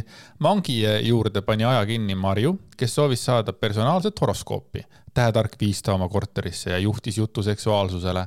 imelikuks kiskus asi siis, kui Mang kamadas Marju püsti, kustutas tuled ja palus tal vaadata pimedas olevat mandalat. Mang katsus naise pead ja selga, hakates tema tšakraid avama. Mang ei tunnistanud end süüdi ja väitis, et maksimum, mis ta olevat klientidega teinud, olnud kallistamine. kõik süüdistused on tema kohta pidavat kuuluma meestevastasesse kampaaniasse Me Too Mangi arvates oli kõik õige ja tema polnud midagi valesti teinud. Mang võttis abivajajaid vastu Lasnamäel asuvas sotsiaalkorteris. ma mäletan, see sotsiaalkorteri jutt oli nagu kõige, nagu kõige retsim kogu selle asja juures nagu selles mõttes, et vana elab mingis sotsiaalkorteris, what the fuck is happening. aga mina ei suuda mööda vaadata sellest, et Mang ütles, et süüdistused on tema kohta eh, meestevastase kampaania Me Too tulem. et mida see ütleb nagu Mang on tegelikult tabanud ikka naelapea pihta küll. mida see ütleb meie ühiskonna kohta? et kui, kui tehakse ahistamisvastane kampaania, siis see on meestevastane kampaania. mida see ütleb meie ühiskonna kohta? võib-olla seda, et meil on meestel ikkagi mingisugune probleem sellega, et nad ahistavad naisi. et see on ikkagi täiesti, see on ikkagi täiesti perses nagu. Me too ei ole meestevastane kampaania, see on ahistamisvastane kampaania. Kuradi habemega luuser, noh, ma ei tea. aga see Igor, Igor, Igor Mangi see tšakrate avamine, sellest sai ka ikkagi, noh, sellest saigi nagu päriselt kõnekeeles nagu mingisugune asi, vaata. see on nagu see sinu see purki sittumine on ju, palju ta kultuurile tegelikult andis. nüüd tuletati meelde, et kaks tuhat kolmteist Katrin äh, ja see tema mees Urmas nussisid niimoodi, et oli vaja rüvetatud äh, templit puhastada, lappida, moppida ja jumala veega, onju.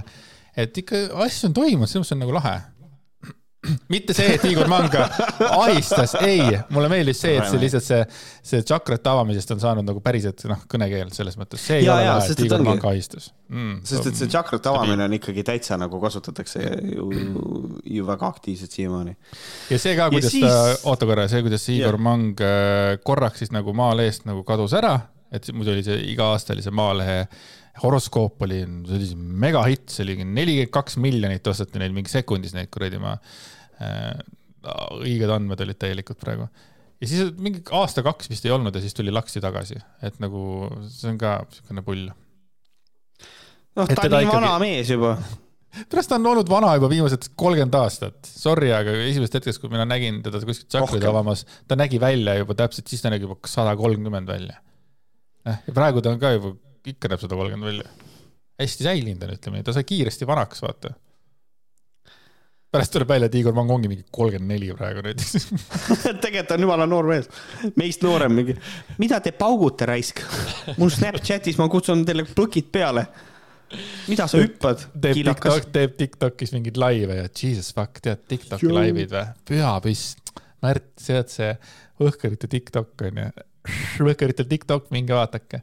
siis ma vahepeal vaatan sealt nagu asju ja siis ma kuidagi ikka jookseb mingisugust live siis vaatad jälle, kes kõik räägivad seal omavahel need mingisugused äh, TikToki kuulsused ja mõtled, no holy shit, see on, see on rets. see on, see on mingi teine maailm. see on teine maailm, inimesed joovad ennast täis ja siis on mingisugused noh, mingid tüübid seal lihtsalt, kes ajavad mingit, see on õudne, ma ütlen sulle, õudne aga oota korra, ma veel kohe ma ütlen, Igor Mang on sündinud tuhat üheksasada nelikümmend üheksa, seega ta nii noor ei olegi tegelikult, seega viiskümmend wow. üks oli ta kaks tuhat, nüüd paneme kakskümmend kolm juurde, seitsekümmend neli. samas ta nägi seitsekümmend neli välja tegelikult juba kakskümmend aastat tagasi. selles ja. mõttes. ja ta on. selles mõttes tal on, tal on stiil tal on, tal on stiil. ja näed, temal on ka nimedega, tema lapsepõlve nimi oli Igor Smirnov ja kaheksakümmend seitse aastast ta muutis ära enda nime ja nüüd ta on Mang. Äh, ja huvitav on see, et kui muidu on äh, need äh, alapealkirjad tantraterapeut tegi siivutatud ettepanekuid, tervendaja Veet Manood või Veet Manot süüdistati blogija surmas. ei, ei, Veet Mano on kõva, Veet Mano on kõva. Igor Mang avas puuõõnes tšakraid ja siis tuleb kavalantsu pädevust seati kahtluse alla ja kes on Kavalands no,? see on ikka, see on ikka Ants Ruthlane ehk siis Ants Rootslane. ja siis äh, draama oli selles, et möödunud aastal tabas äh, tuntud hüpnoterapeuti Ants Rootsas professionaalide kriitika, kui Eesti Ekspress avaldas loo end Eesti nõutumaks terapeudiks nimetava Ants Rootsase seni varjatud jahmatav pool. kahtluse alla seati, kas tal on ikka pädevust teatud konditsioonidega töötada et kirjutada raamatumüügirekordeid purustav Ants Rootslase fenomenist põhjalik lugu, otsustas ajakirjanik osaleda tema webinaril. hüpnotisöör on enda kodulehel väitnud, et ta on Eesti nõutuim terapeut, kes on teinud üle kolme tuhande teraapiaseansi ja aidanud inimestel üles leida jõu avastada endast parim. üks seanss maksab sada kaheksakümmend eurot vaimse tervise asjatundjate kriitika oli karm, Eesti psühholoogi, psühholoogide liidu liige, kliiniline psühholoog, psühhoterapeut Kaia Kastepõld Tõrs arvas, et psühhoterapeut rootslase puhul on tegemist ülemäärase enesekindluse ja enesekriitika puudumisega. Kastepõld Tõrs märkis, et vaimse tervise valdkonnas professionaalse abi otsimine ja meelelahutus tuleks hoida lahus Eestis polegi terapeut selles valdkonnas üldtunnustatud ega sisuline termin. selle nimelist kutset, mis põhineks teaduslikel õpetustel, Eestis ametlikult olemas ei ole. teadus või vabandust, tõenduspõhised psühhoteraapia meetodid on pereteraapia, kognitiivne käitumisteraapia ja psühhodünaamiline teraapia. Pole ka terapeut nõustajat ega psühholoogilist nõustajat, need on kõik omaloomingulised nimetused, kinnitas Kaia äh, Kastepõld-Tõrres. Enda sõnul polevat Rootsõne kunagi salanud et teatud konditsiooniga inimestel pole tal pädevust töötada ning vajaduse korral suunavad ta inimesed alati professionaalset abi otsima. ta tegevad ise tihedat koostööd vaimse tervise professionaalidega nagu psühholoogi, psühholoogid ja psühhiaatrid, et inimesele õige ravi leida. sellest me oleme ka oma saates rääkinud, sellest loost, kusjuures mm -hmm. see oli see, kus kohas äh, räägiti mingist veremaagiast ja kuidas äh, see äh, vägistamine äh, on karmaline tasakaalustamine. sellise. ja ei, Antsust me oleme tegelikult Võhkarites päris mitu saadet teinud, Arusaamatu Ants näiteks oli üks ja Müstiline rootslane, äkki Müstiline rootslane oligi see, selle, selle teemaga, ma mäletan isegi Kertu Jänese sai aasta ajakirjaniku tiitli Võhkarite mega fantastilises auhinnagalal nimega aasta võhad Andy! oota, ma hakkasin mõtlema, oota, kuule. ma hakkasin mõtlema, et kas oli aasta võhk või aasta võhad, vaata, siis mul läks jooksus kinni. et äh.... Oh, vana teeb ise saadet, kurat, mis, mis, me oleme kurat kolm aastat võhkret teinud. ja siis no see gala, mis meil on, see aas aastavõhad, aastavõhad kaks tuhat kakskümmend kaks oli selle asja nimi, eks ole, ja see oli fantastiline. Oh,, minu arust see oli nagu kõige parem stuudio, mis meil kunagi olnud on, selles mõttes, praegu, praegu panin selle käima, see on ebareaalne, see on täiesti kolossaalselt ägeda stuudio ehitasid sa ikka enda, enda koju, nii et äh, ma ootan väga suure huviga selles mõttes äh, uut aastavõhat kaks tuhat kakskümmend kolm otseülekannet, mis ma eeldan, et äh, võiks tulla. Vaatab, mul on siin sponsoritega läbirääkimised. Kas keegi tahaks meid sponsoreerida, tahad öelda või? ei äh, Sponsored by Jesper Parve. lahe, kuulge, kirjutage raamat. kirjutage üks raamat, lahe ähm, mul ei tulnud meelde, kuidas Jesper Parve räägib, siis ma ei, ei osanud teda järgi teha, aga äh, need olid siis need kurud, kellel on olnud siin mingisugused raamat siin-seal üleval-all et et Eestis ka ja ma arvan, et see peamine ajend, miks see artikkel välja tuli, oli tegelikult seoses siis selle kuradi Lilleoru suure kuradi draamaga. tegelikult neid on veel, neid näiteid, need olid ainult mõned nendest. sest et tegelikult on, on veel rahadega mässatud see, mis ta on, Margus Aru ja ühesõnaga soovitame täitsa lugeda. Link artiklile on olemas video description'is ka ilusasti, et võite ise lugeda seda artiklit, päris hea on ja nüüd natukene ka reklaami, sellepärast et reklaami oleme me teinud täna vähe ja millest me ikka te reklaami võiks teha. sponsoritest selline üritus on olemas nagu Minu jonni, minu armastus töötuba. Namaste võiks ka lõpus olla, siis oleks nagu eriti nagu cool. jah, see on suht madal, et seda ei ole täiega madal. ja hakkab siis äh, niimoodi see pihta, kogu see teema. mul on hea meel teada anda, et väga menukas kursus Pariisitari Veronique poolt saab taas toimuma sel sügisel. Nende kahe Mima töötoa päeva jooksul läheme me esmalt kohtu. esmalt see hääldus, ma arvan. Ütle uuesti, kuidas see hääldus oli. see on M, Y, M, A. ma arvan, et see on nii. aa, sa mõtled me, Davai, eh, ja aga see teine on ikkagi me, et ja läheme me esmalt kohtuma oma suguvõsa, ajaloo ja koletistega enda sees, mis on mõjutanud meie suhet oma naiselikkusesse ja kehasse. meie eesmärk on alati heatahtlik ja lugupidav. meie töö on panna meie iidsetesse lugudesse armastus, ilu ja rahu, et elada tänapäeva elegantselt meie kolmes kehas uh,.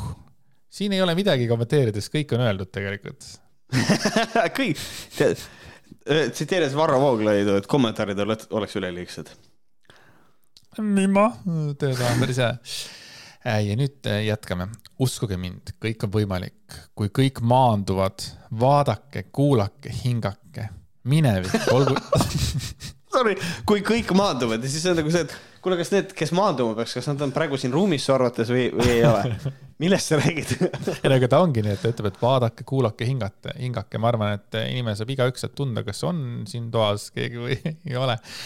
Äh, minevik, olgu see tahes kuidas tahes on rikkus, millele meie olevik on üles ehitatud. tulevikku hoiavad kosmos ja loodus meile üllatusena, aga kui meie oleme vabad ja ei karda oma sisemisi koletisi, siis võib meiega kõike juhtuda. oleme armastuse sõdalased. vot minul on, mul, mul on, mul sitt keeb, ütlen ausalt. oleme armastuse sõdalased. mida tähendab sõdalane? ma nagu lihtsalt. Nad võitlevad armastuse seda... eest viha vastu näiteks, neil on käes nagu... nuiad, nuiad ja odad ja viha saab ah. nagu, et ma tean seda. miks sa mind ei armasta? nii kui keegi kuskil ütleb, et, et aa ah, jaa, ma käisin peale keskkooli, ma käisin ära sõjaväes, siis tuleb alati kuskilt nurga tagant mingi mees välja, kes rebib enda särgi puruks ja siis ütleb, Eestis ei ole sõjaväge, siin on kaitsevägi. nagu kohe, et sa ei tohi öelda sõjavägi, kui sa ütled sõjavägi, siis see on vale ja siis selle eest tuleb saata sind vanglasse ja siis, ja siis tuleb mingisugune kuradi fucking psycho nurga tagant ja ütleb, me oleme armastuse sõdalased. okei okay,, nüüd seleta mulle see ära. sõdalane tähendab seda, et sa tegeled sõdimisega, sa sõdid. nagu mida tähendab sõdimine? Venemaaga ka sõdib, onju, vene, venelased sõdivad. oled armastuse sõdalane, nagu. jaa, aga inimesed sõdivad lihtsalt nagu armastusega kurjuse vastu, et nad, nad nimetavad ennast sõdalasteks võib-olla nad ei sõdi niimoodi, nagu sina arvad, et sõditakse. Või noh, nagu mina pakkusin ka nuiade odadega, et mul jutt muutub ülikiiresti. Nad armastusega sõdivad, nad sõdivad armastusega, seda armastus on kõige, armastus on kõige alus tegelikult, armastus on ilus, armastus on püha, armastus on õnnis, armastus on armastus. Noh. mulle tundub, mulle tundub, et sa oled käinud seal koolitusel. Mind ei, mind ei lastud, ma läksin, mul oli emm oli pihus ja ütlesin, tahan tulla Joni koolitusele, ütles no, no, no, no, no, no, no, sinu lingam on seal, mine teiste kuttide juurde. lingam on seal võsas, seal Urmas juba ootab. Mine sinna, mingid vennad. mine sinna, pane silmad kinni, tee suu lahti. Mingid metsad räme. nii, armastuse sõdalased, räägi edasi. Teise sammuna võimaldavad valgustunud teadmised meie jonist, sanskriti keeles naise genitaalid, lahklihast ja juurtšakrast. jõuda teadlikkuseni, et meie lahkliha on meie eluraamatukogu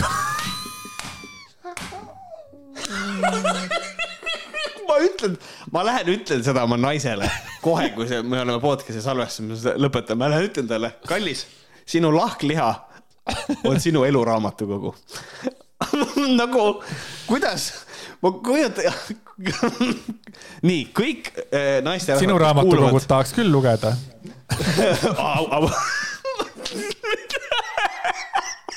oh no, kõik, tähelepanu, kõik naiskuulajad, et äh, kui teie oleksite esimesel kohtingul ja, ja teie vastas olev mees või naine äh, ütleks teile, et, et nojah, eks eks see naisterahva lahkliha ongi ju eluraamatukogu nagu kas, nagu, kas on olemas, kas seal nagu, kas see oleks nagu see, et Jeesus Kristus, ma pean siit ära saama? või seal, või, või, või seal on nagu, või, või seal on nagu see moment, et, et nagu okei okay,, see on nii crazy, et ma ikkagi olen huvitatud no, see on ikka täiesti pöörane. selles mõttes, et see ei ole küll Laura Valgu koolitus, millest me praegu räägime, onju, aga ma kujutan ette, et Laura Valgu koolitusel toimuvad sellised laused ja siis, kui Laura Valk ütleb sulle näiteks, et äh, meie lahkliha on meie raamatukogu, siis ma kujutan ette, et seal on need härdunud naised, sest ma eeldan, et seal käivad naised, sest et nad on naistele kõik koolitused. Oh, Laura on nii tark, ebareaalne, ta teab täpselt. et see võib tegelikult äh, ikkagi panna ahhetama inimesi, sest see ikkagi, see lööb, kui õige inimene sellist asja ütleb, onju, see lööb, sest meie lahkliha on meie elu raamatukogu.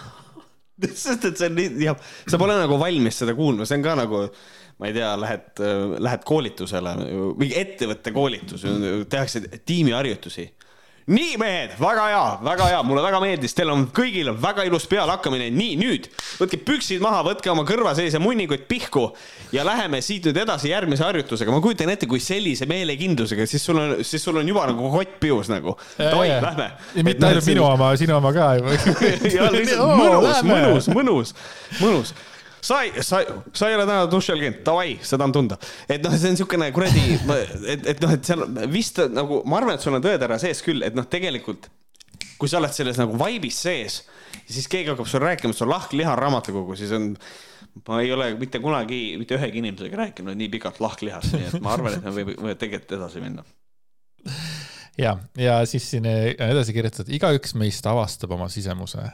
teadmised toovad rahu et olla naine tähendab oma jumalikkuse äratundmist iseenda, meeste ja ühiskonna jaoks ah?. et olla naine tähendab oma jumalikkuse äratundmist iseenda, meeste ja ühiskonna jaoks. see tähendab olla naine, et ma tunnen ära oma jumalikkuse ühiskonna jaoks. oota, ma üritan, oota, et olla naine tähendab oma jumalikkuse äratundmist iseenda, meeste ja ühiskonna jaoks ah,, et sa tunned ära iseennast meeste ja ühiskonna tarbeks. see ei tee seda palju paremaks, aga, aga. mida ma selle jumalikkusega teen, kui ma seda ühiskonna jaoks teen? kas, kas eesmärk ei ole ikkagi meie lahkliha raamatukogu nagu sirvida tead mul on selline tunne, et kõik need naiselikkuse otsimise asjad, need on neil on kuidagi kõigil üks ja sama vibe ja see on siuke misoküünne vibe ikkagi, et kuradi naised, noh, see on jällegi, palun vabandust, ma ütlen jälle ropusti, aga selle kõik see kuidagi, see peegeldab sellist munni koht on naises, kuidagi nagu sellist vibe'i, mis on lihtsalt, et sa oled naine, sa oled jumalik ja sa oled meeste ühiskonna jaoks. ja siis nagu, nagu aga äkki, aga äkki ta on iseenda jaoks olemas, see naine nagu ka nagu ma ei tea, see on nii nõme. Vaata naise, mees, meesenergiatega mul nagunii on tohutud probleemid, ma või ma olen probleemi pall, kui mulle räägitakse naise meesenergiatest, onju. aga üks suur probleem on mul ikkagi selle voolavusega, et naiselik energia on voolav. nagu päriselt, ma nagu mm. -hmm. ma nagu lähen nagu endast välja ja ma nagu tahaks küsida, et räägi siis sellest voolavast energiast, no kõik tuleb voolujoones, mis asi sul voolujoones, tulevad lapsed karjuvad seal, räägid mm. -hmm. voolad oma naiseliku energiaga. See on tegelikult üldse hästi naljakas, vaata, sest kui räägitakse seda, et mehed äh, ja naised on nagu erinevad, et mehed äh, või noh, näiteks naiste puhul on see, et noh, naised on emotsionaalsemad ja Ja, kõike seda, aga kui sa hakkad tegelikult selle peale mõtlema, siis mõtle selle peale, kui emotsionaalsed on tegelikult mehed ka, täpselt samamoodi. et nagu mingi vend ütleb seda, et kuule, su bemmi kuradi, su, su kuradi bemmi valuväljad on koledad ja siis kuradi selle peale saavad sada inimest vanuses neliteist kuni, kuni kolmkümmend kuskil kuradi kahe kuradi asula vahel kokku nagu. aga Rõigas ei ole probleemi sellega jah, et aga, aga samas nad käivad kogu aeg koos, et nagu selles mõttes. aga siiamaani ei ole kunagi käinud. või on, või on nagu see, et sa lähed nagu valimistele näiteks ütleme ja siis äh, arvad, et paned valimised kinni, ei saa ja siis oled, valimised võltsitud, ja siis peksad Riigikogus lauda, et nagu mehed ei olegi üldse emotsionaalsed nagu, et tegelikult ongi nagu see on nii nõme on see, et naised, mehed on täpselt ühtemoodi emotsionaalsed, nad on ühtemoodi voolavad, nad on ühtemoodi sült ja ühtemoodi kivi.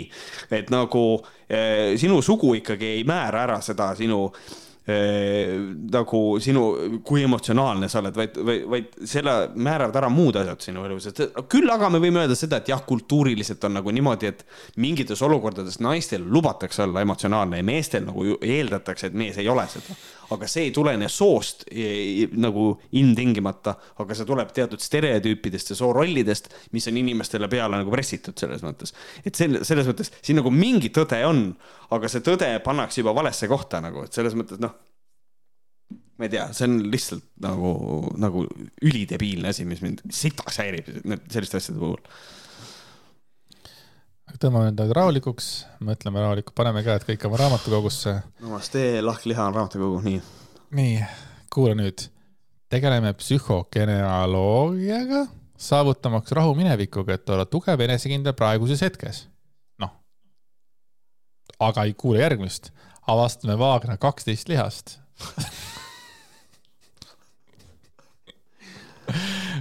küsimus on selles, et kas kõik iseenda oma või lähme kambakile. Või on nagu valitakse välja.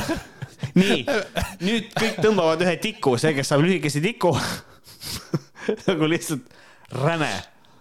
me käivad kõik kambakesi ühe juures järjest, järjest. vaatame seda lahkliha ja vaat- lappame ta raamatukogu, mingisugune sihuke kuradi täiesti perses. ei, aga selles mõttes, et, et ma ei, ma ei naera selle üle, kui inimestel on enda raamatukoguga nagu normaalne nagu suhe, see on okei okay. see on normaalne jutt lihtsalt.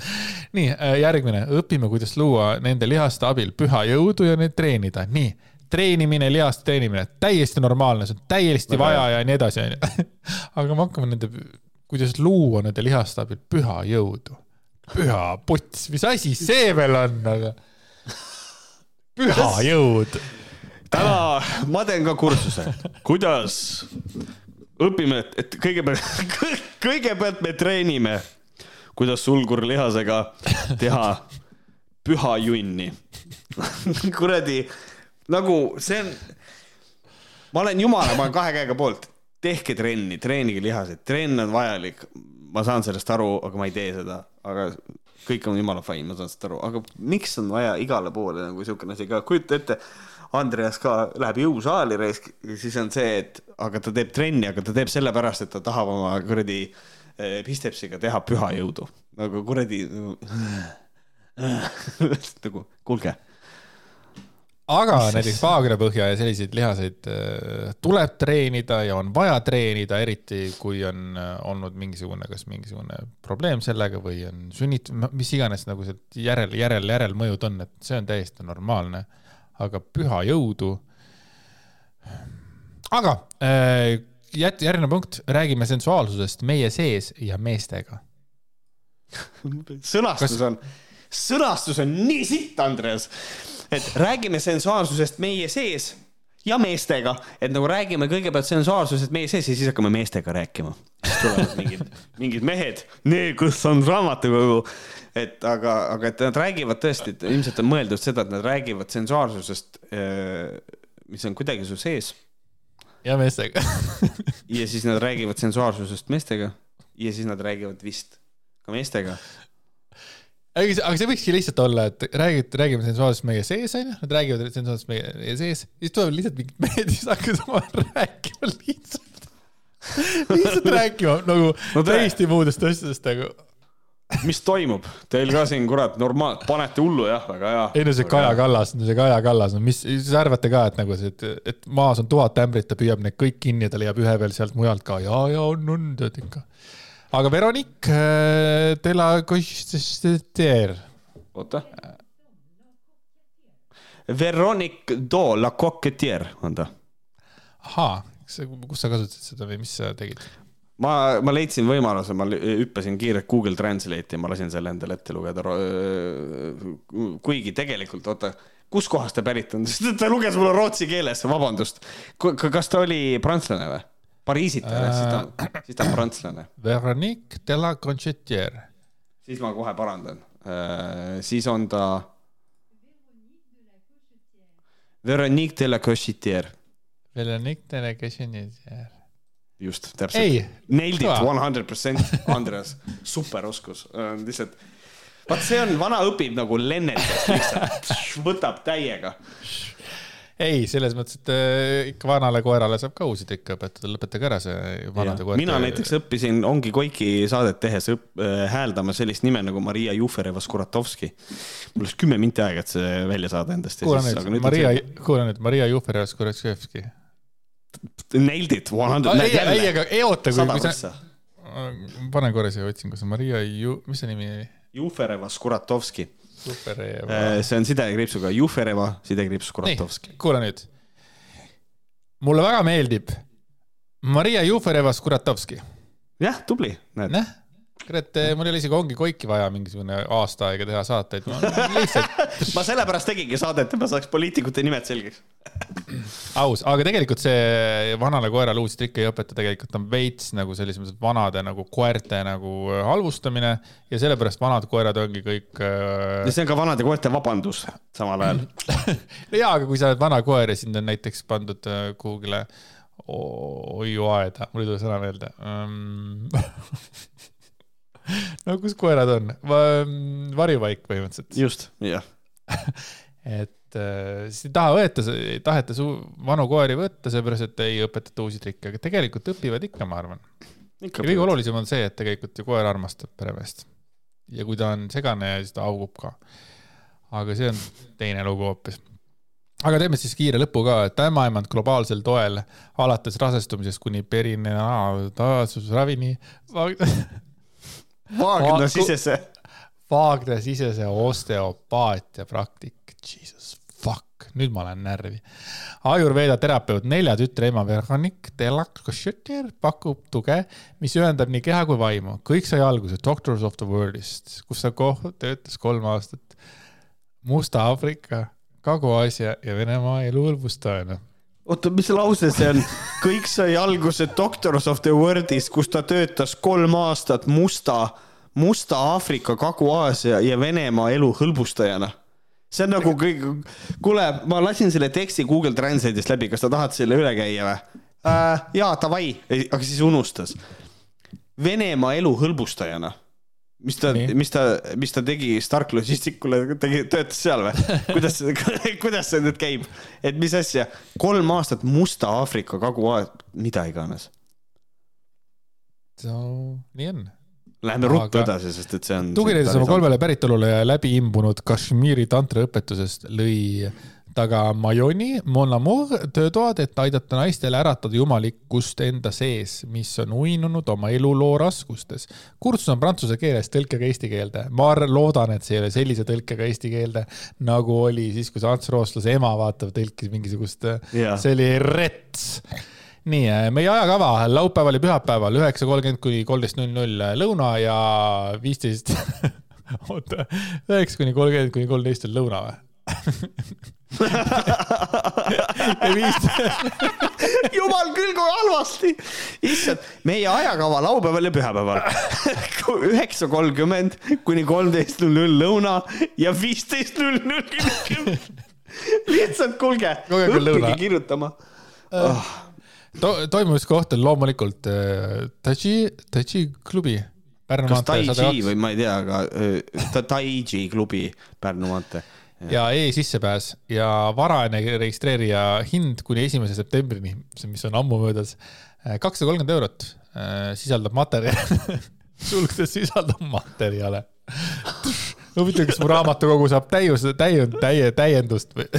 mulle meeldib, kui sa oled esimese septembri regad on kakssada kolmkümmend euri, sisaldab materjale ja hiljem kakssada viiskümmend, kas see ei sisalda materjale või? arvatavasti mitte, jah siis. pead ise kuskilt ostma ja mis materjali ta sisaldab, et ma olen, ütleme, et ma olin kolmekümne esimesel kuradi augustil bronnisin ära, onju, oma selle asja ja siis, ja siis lähen kohale ja siis ütleb, väga hea, siin on su fiboplokid, vii need koju. et nagu see on lihtsalt ehitusmaterjali. palun, siin on sul prussid ja värgid, et vii koju, näed, ehita midagi. räme just. kümme eurot sinu taskust läheb ühingule Fonds Maailma. Tasust.. mis ma ütlesin? tasust Mis on mitte taskust. ei, aga point on sama ju, sorry. kümme eurot sinu taskust läheb ühingule Fonds Jaa. Maailma. ma olen täpselt, ma olen sada protsenti nõus, Andres, aga siin on lihtsalt see probleem, see tõlge on nii halb, et kümme eurot sinu tasust tuleb välja, ma saan palka, kui ma sinna lähen. aus, aga fond aitab naisi, kes ei saa sotsiaalkindlustusega hüvitada hooldust.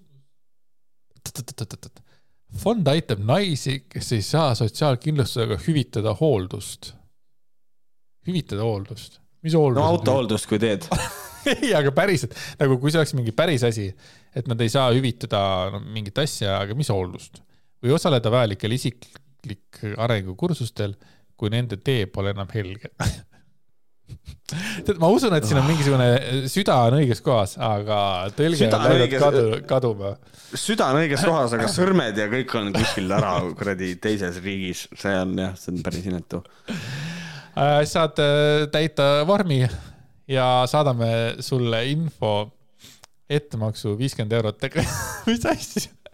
ja saadame sulle info ettemaksu viiskümmend eurot tegemiseks.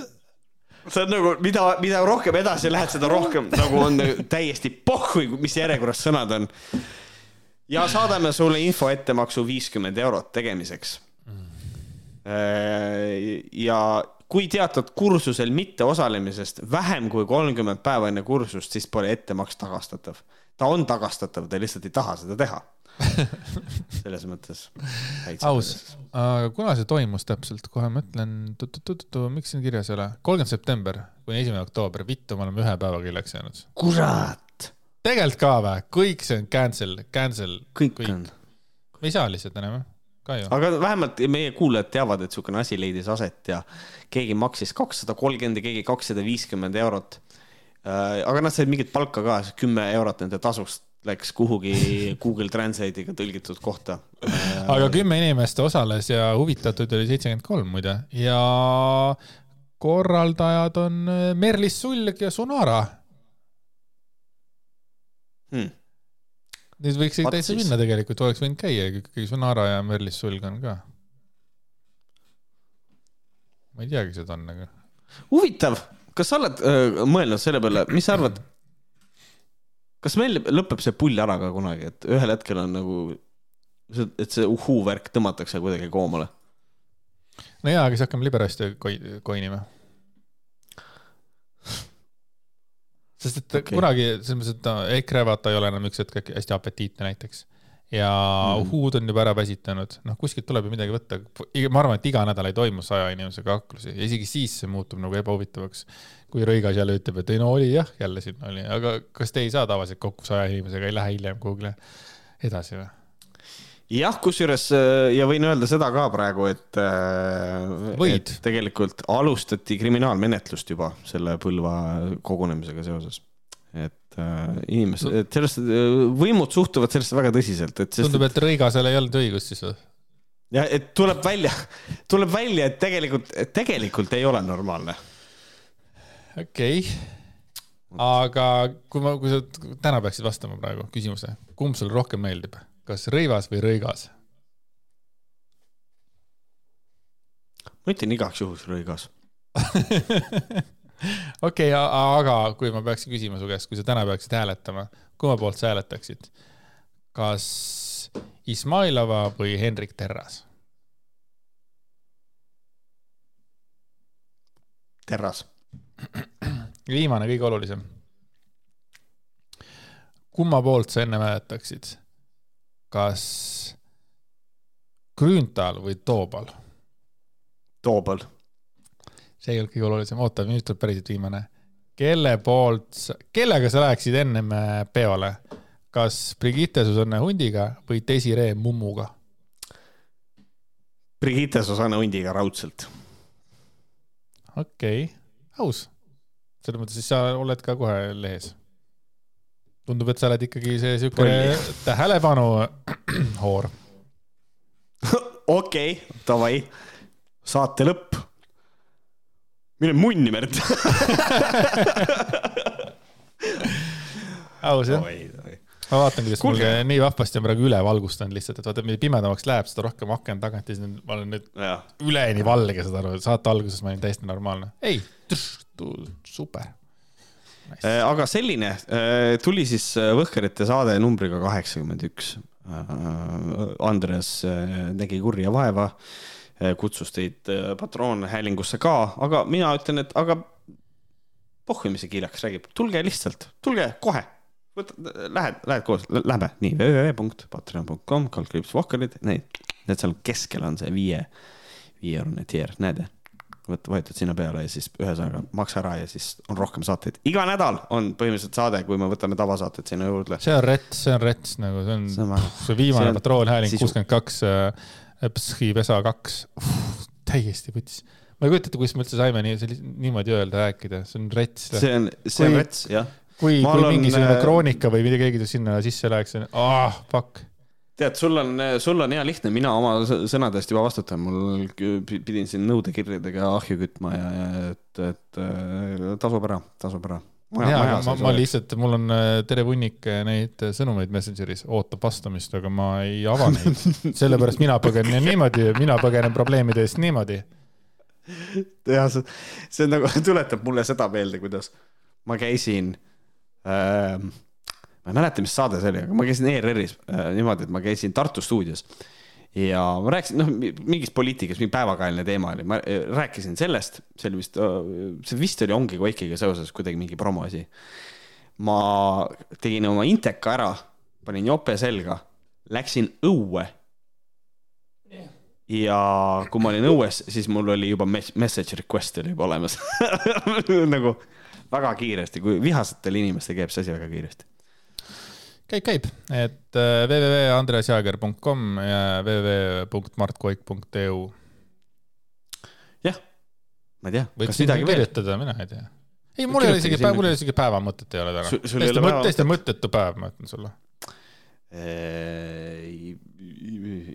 jah, mina ütlen siis ise mingi päevamõtte, mingisugune näiteks ähm, miks äh, sihuke dinosaurus nagu diplodocus ähm,, miks ei ole kuulda, kui diplodocus kakab? sest et nad on välja surnud. tšau. head aega